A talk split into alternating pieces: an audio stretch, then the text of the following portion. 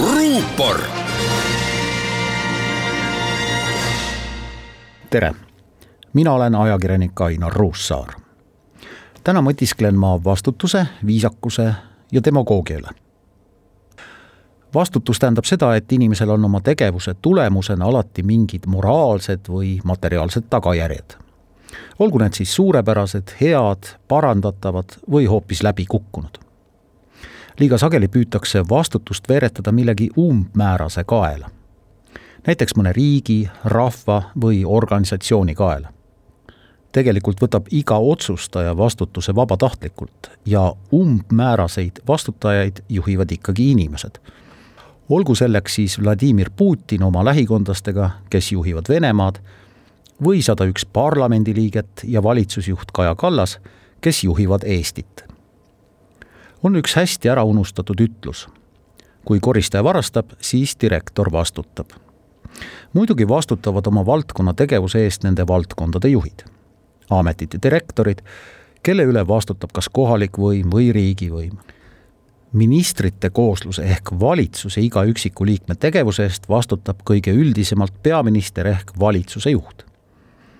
seepärast sisaldabki tema amet sõna pea demokraatlikus riigis saab peaministrit, rõhuga sõnal pea, vastutusele võtta eelkõige Riigikogu, rõhuga sõnal riigi, kui kõrgema võimu ehk rahva valitud esindusorgan. igas kriisis on ootused otsustajate vastutusele väga kõrged ja kriitika nende otsustele väga võimas segaste sõnumite sogases vees on väga keeruline ja paiguti võimatu säilitada külma pead nii otsustajatel kui otsuste ootajatel või nende pihta tulistajatel. seepärast on iga selge sõnum ja konkreetne otsus, olgu ta siis tagantjärele kas või kaheldav, ikkagi otsus. riigikogu esimeest Jüri Ratast võib ja tulebki kritiseerida otsuse eest loobuda kahtluse alla seatud AstraZeneca vaktsiinist.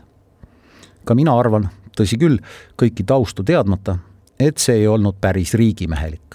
aga see oli otsus viisakus on seotud väärikusega, väärikus omakorda lugupidamisega. viisakus ei ole pelgalt pakend. kriisiaegse Riigikogu, rõhksõnal riigi, arupärimised on kohati kaugenenud sellest viisakusest, mida meile on õpetanud kodu, kool ja elu ise. peaminister peab parlamendiliikmetele aru andma ja parlamendiliikmed peavad peaministrilt aru pärima kuid mõlema poole maine huvides võiks see protsess meenutada veidi vähem seriaalist Vremja tuntud rullnokkade Aiku ja Petsi suhtlemist. paar nädalat tagasi küsis üks rahvaesindaja, kas valitsusjuht on elus. täna ütles valitsusjuht otse välja, et tunneb Riigikogust vähem puudust kui Riigikogu temast. Šoti vanasõna kõlab nii parem on viisakas olla, ütles vanaeit ja viipas kuradile tervituseks ja miks ei võiks koroona ajal nalja saada ka kõige kõrgemal tasemel. demagoogia on kuulajate ebaaus mõjutamine kõnekate kujundite kaudu. Andrus Ansip iseloomustas Eesti valitsust juhtides üht ühiskonnagruppi kui fooliummütse kandvaid seemnesööjaid. aeg-ajalt tõuseb poliitilistes vaidlustes taas lauale põhiseadus, mis lubab ühte ja keelab teist.